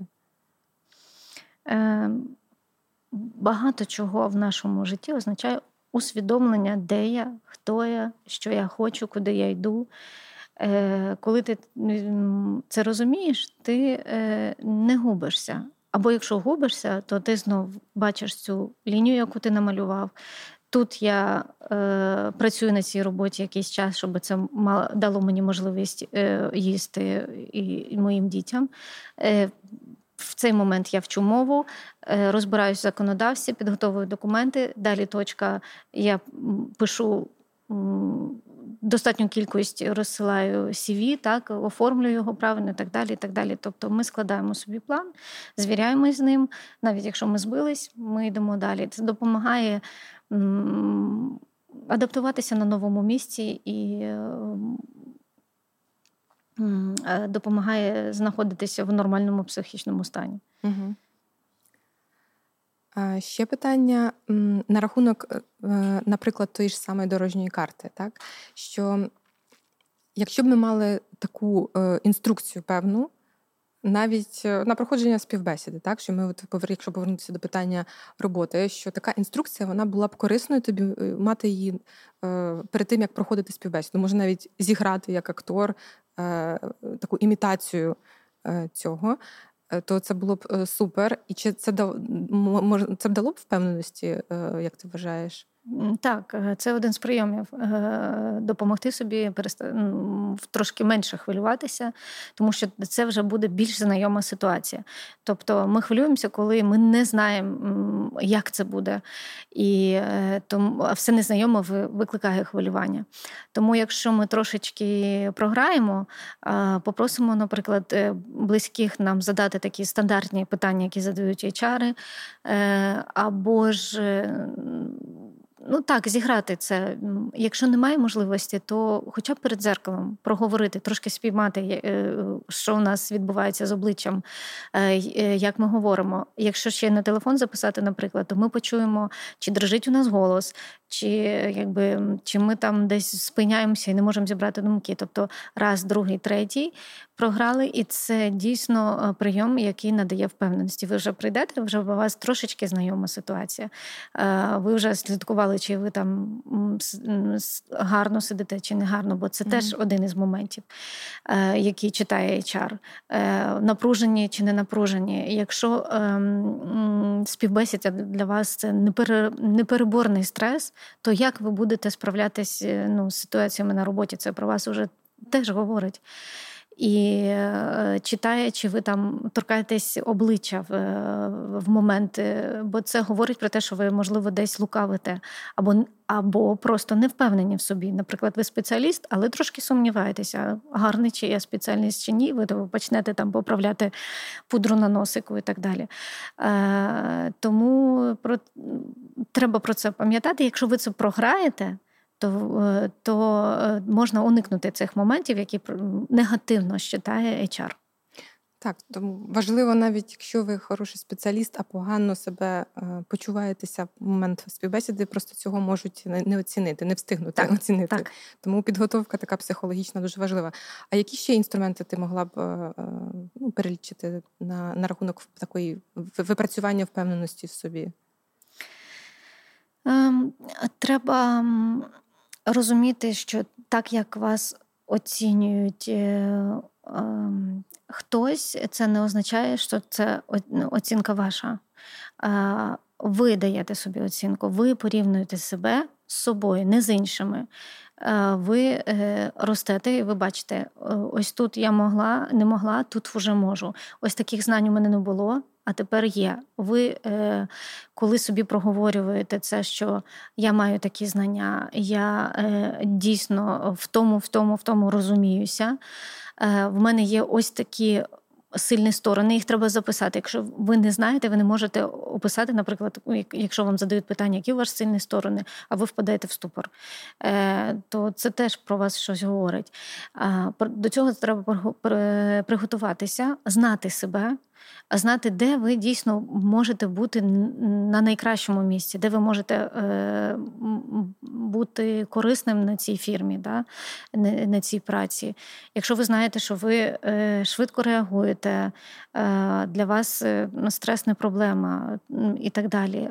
Хтось знає, що. Я повільно працюю, але ж довожу діло до кінця. Це теж дуже важливо, тому що хтось там загориться і кине і так далі. Якщо ви їх не знаєте, ви можете поговорити зі своїми рідними, е, щоб вони допомогли вам сформулювати. Вони бачать, в чому ви слабі, в чому ви сильні. Е, так, в принципі, про, про ще раз повторюся, проговорилась не вірити всім оцінкам, е, порівнювати себе з самим з собою, а не, із, а не з іншими. А не з іншими, да. Е, я так вчу своїх дітей так само. Бо е, брати вони між собою завжди змагаються. Я кажу: нема нема сенсу в тому, що ти порівнявся з ним. Він завтра виросте, а ти ні. І ну, я маю на увазі в чомусь, в якомусь умінні. Е, і от коли ти мені скажеш, що сьогодні я підтягувався 10 разів, а завтра 15, то то Це так. свідчить про тебе, що ти.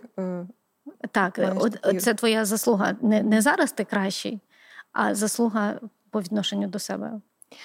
Е, добре, а що, наприклад, е, як справитися? Ну, бо ця ситуація можлива, і вона, в принципі, скоріш за все, трапиться. І це не говорить про те, що ти там хороший чи поганий, але тобі відмовили. Е, зазвичай це такий ступор, і ти собі говориш, що я недостатньо, мабуть, був добре для цієї посади. Або я взагалі там ні на що не, не спеціаліст, мені відмовили. Це таке емоційне переживання.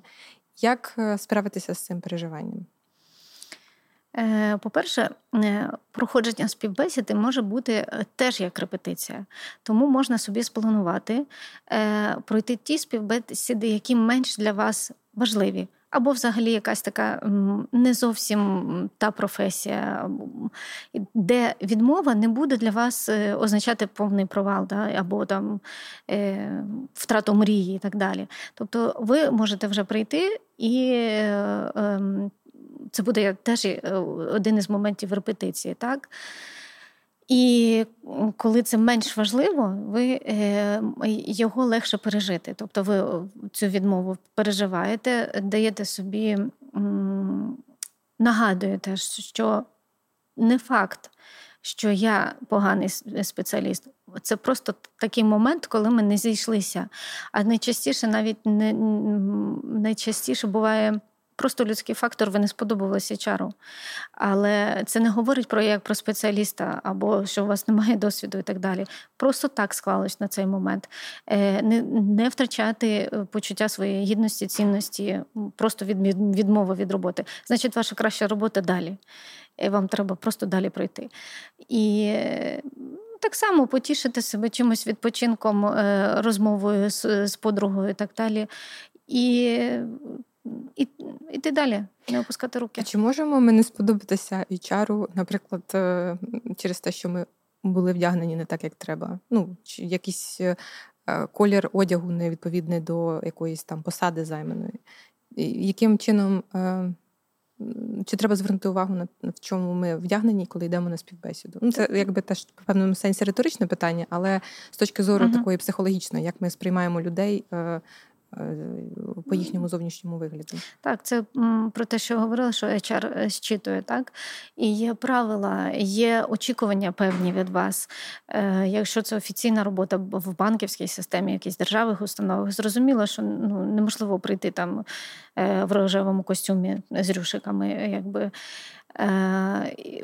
В цьому всьому є правила, їх треба дотримуватись. Є правила офісних кольорів. так? Це переважно там синій, е, чорний, е, біла сорочка сприймається, наприклад, як е, професій... людина професіонал. так? І... А є інші, наприклад, якщо від вас очікують творчості, наприклад, як в рекламному агентстві, або або наприклад, робота з дітьми аніматором, то тут ви вже можете проявити себе і в одязі, е, як ви там підібрали кольори, аксесуари і так далі. Тобто е, все це треба враховувати контекст. Е, і це теж одяг, наш одяг і його колір це однозначно посил про те, який я є. І для того, щоб не було якогось хибного враження, над цим це треба попрацювати. Ще на рахунок мови тіла, да? ти кажеш, що, наприклад, коли ти не впевнений в собі, то ти там торкаєшся якихось частин тіла. Там. Uh-huh, uh-huh, uh-huh. От, а, як би ти, ну це, мабуть, тренування при люстрі, да? там ти сідаєш собі і е, говориш, і е, записуєш себе на відео і так далі. Е, які, наприклад, могли б бути пози, може, да, такі, як як ти маєш себе щоб справити найкраще враження, да? щоб натренуватися, і яка мала бути позиція? Чи ти маєш бути розслаблений, чи ти маєш бути таким е, напруженим і слухатися, що тебе питають? Ну, які рекомендації такі могли б бути на рахунок співбесіди? Мова тіла, да? Е, постаратися вести себе природньо, так якби ви е, просто при розмові з якоюсь будь-якою іншою людиною, якби ви себе поводили. Тобто надмірна напруга і надбірна така показова розслабленість. Ну, немає тут е, місця. І якщо в даний момент вам важко посміхатись, то коли ви, наприклад, ви напружені, да, то посмішка буде недружньою. Тому, якби, якщо е, ви зараз не можете так розслабитись, посміхнутись, то вже як є. Так? І слідкуйте за своєю жестикуляцією. Якщо вона занадто е, ви досить широко так машете руками там або ще щось там зачіпляючи ну, щось, е, то це говорить про ваше перенапруження, про ваше перехвилювання. І Тому якби слідкуйте за тим, як ви жестикулюєте, яка у вас міміка, чи вона не застигла. Буває так. Е, трохи такий е, момент е, кам'яного обличчя. Да, кам'яного обличчя. Або очі. Е, дивіться, куди ви в цей момент, чи ви тупите весь час в підлогу, чи десь там роздивляєтесь щось, да, не концентруєтесь на співбесіднику.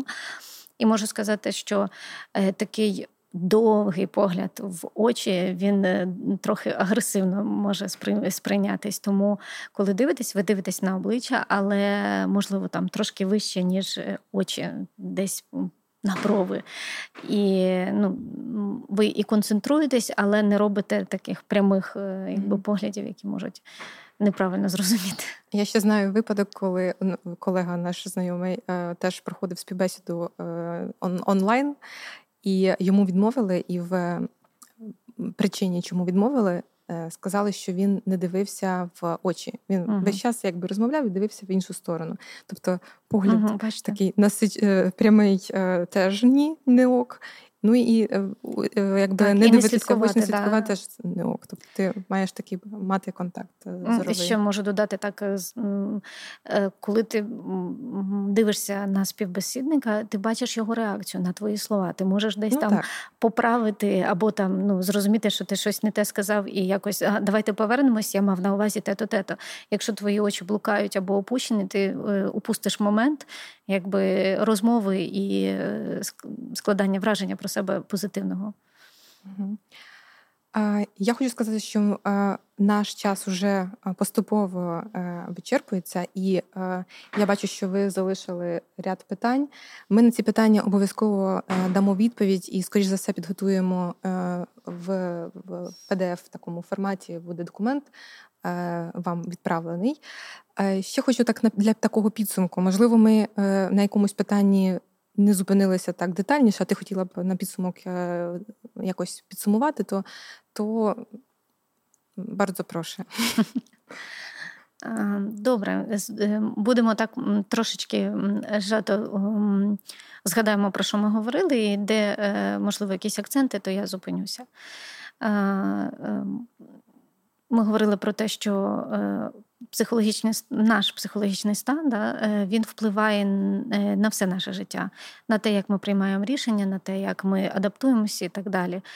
І тому е, наголошую на тому, що треба піклуватись про себе, треба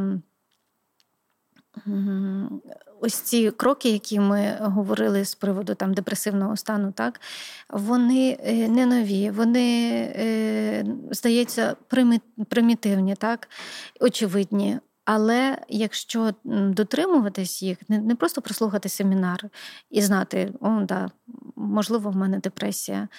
А, а треба робити, якщо сон, то сон, харчування. І так крок за кроком ви побачите, що це приносить е, полегшення, тому що одні знання не полегшать вашу ситуацію.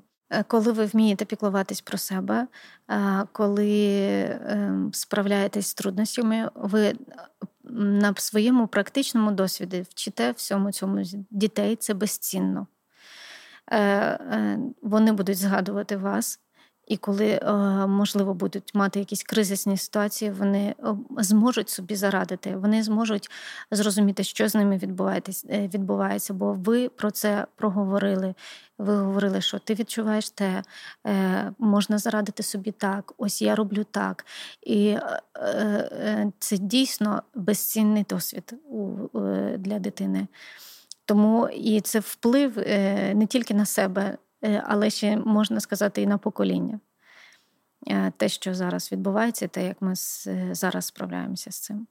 Добре, як я вже е, говорила, ми вже маємо е, завершувати. Залишилось у нас е, буквально пару хвилин. І е, я б хотіла вас попросити Е, зараз у вас на екрані появиться е, така анкета. Маю таку прохання е, заповнити ту анкету, відповісти на декілька питань. Там буквально 60 секунд на те, щоб відповісти. Але вона буде для нас дуже корисною і допоможе робити ту роботу, яку ми робимо, ще краще. І в процесі, поки ви будете заповнювати цю анкету, я б хотіла б ще може так підсумувати, так що Хочу нагадати, що проект Grow Up він е, складається з трьох частин. Ви зараз проходите е, четвертий вебінар першої частини. Слідом буде другий етап. Він стосується, він направлений на е, е, рекрутацію 60 осіб, які будуть вибрані е, для такої особливої персональної підтримки. І цим людям буде надана допомога підготовки резюме, підготовці до проведення співбесіди, таке опіка над їхнім таким процесом проходження та пошуку роботи. І третій заключний етап е, він буде направлений на допомогу людям, які знаходяться зараз е, в тимчасових таких притулках в малопольському воєводстві. І якщо, наприклад, ви зараз проходите е, ну, сьогодні присутні на нашому вебінарі і проживаєте в такому притулку, то ви можете теж подавати заявки і рекрутуватися на, на цей третій етап. Ще теж хотіла б додати про фундацію Мама працюй. Е, ще раз подякувати е, за ту роботу, яку вони роблять, і е, захочете захочете вас до тих інструментів, які вони дають вам для пошуку праці. І з таких інструментів хотіла б вам перерахувати, що ви можете користуватися. Е, інформацію на сайті Мама Працюй е, є цілий розділ присвячений пошуку роботи. Там є вакансії від е, компаній, які пропонують роботу для працюючих батьків, і вони пропонують такі умови, які будуть сприйнятні для батьків, які потребують або якогось такого виділеного часу, або динамічного такого гнучкого графіку. Також є цілий телеграм-канал для підтримки українців.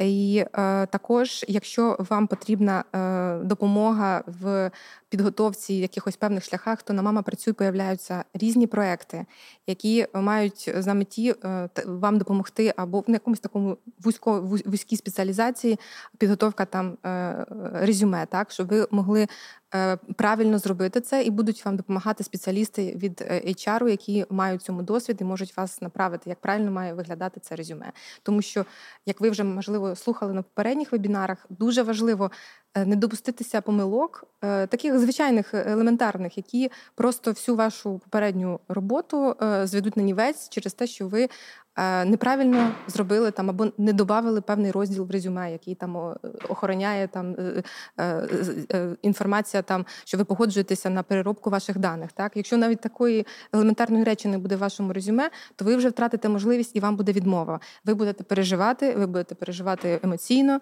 і будете вважати, що ви там якось не так відповідаєте е, цій професії чи посаді. А насправді це просто технічна помилка. І щоб не допускати цих помилок, і щоб ви могли пройти цей процес дуже швидко і без стресу для себе, для цього вам є допомога спеціалістів і прошу нею користуватися. Е, маємо вже закінчувати. Юля, я хотіла б тобі е, дуже подякувати за той час, який ти присвятила сьогодні нам. Е, хочу нагадати, що з нами була е, Юлія Лисак, е, психолог і мама восьмох дітей. Також Юля, як багато із вас, іммігрувала і втікала від війни. І дуже тобі вдячна за те, що ти ділилася своїм досвідом і своїми такими власними переживаннями. Це дуже цінно. Дякую за запрошення, дякую за довіру. Було приємно провести час тут. А ще хочу теж подякувати вам всім за те, що ви присвятили свій час, е, що ви були сьогодні з нами, що ви задавали питання, що ви е, займаєте активну позицію в своєму житті, що ви прийняли рішення рухатися вперед. І я вам бажаю в цьому е, успіхів. Я бажаю вам, щоб ви справилися, і від самого від щирого серця вважаю, що ви є сильнішими, ніж ви думаєте про себе. Дякую вам за все.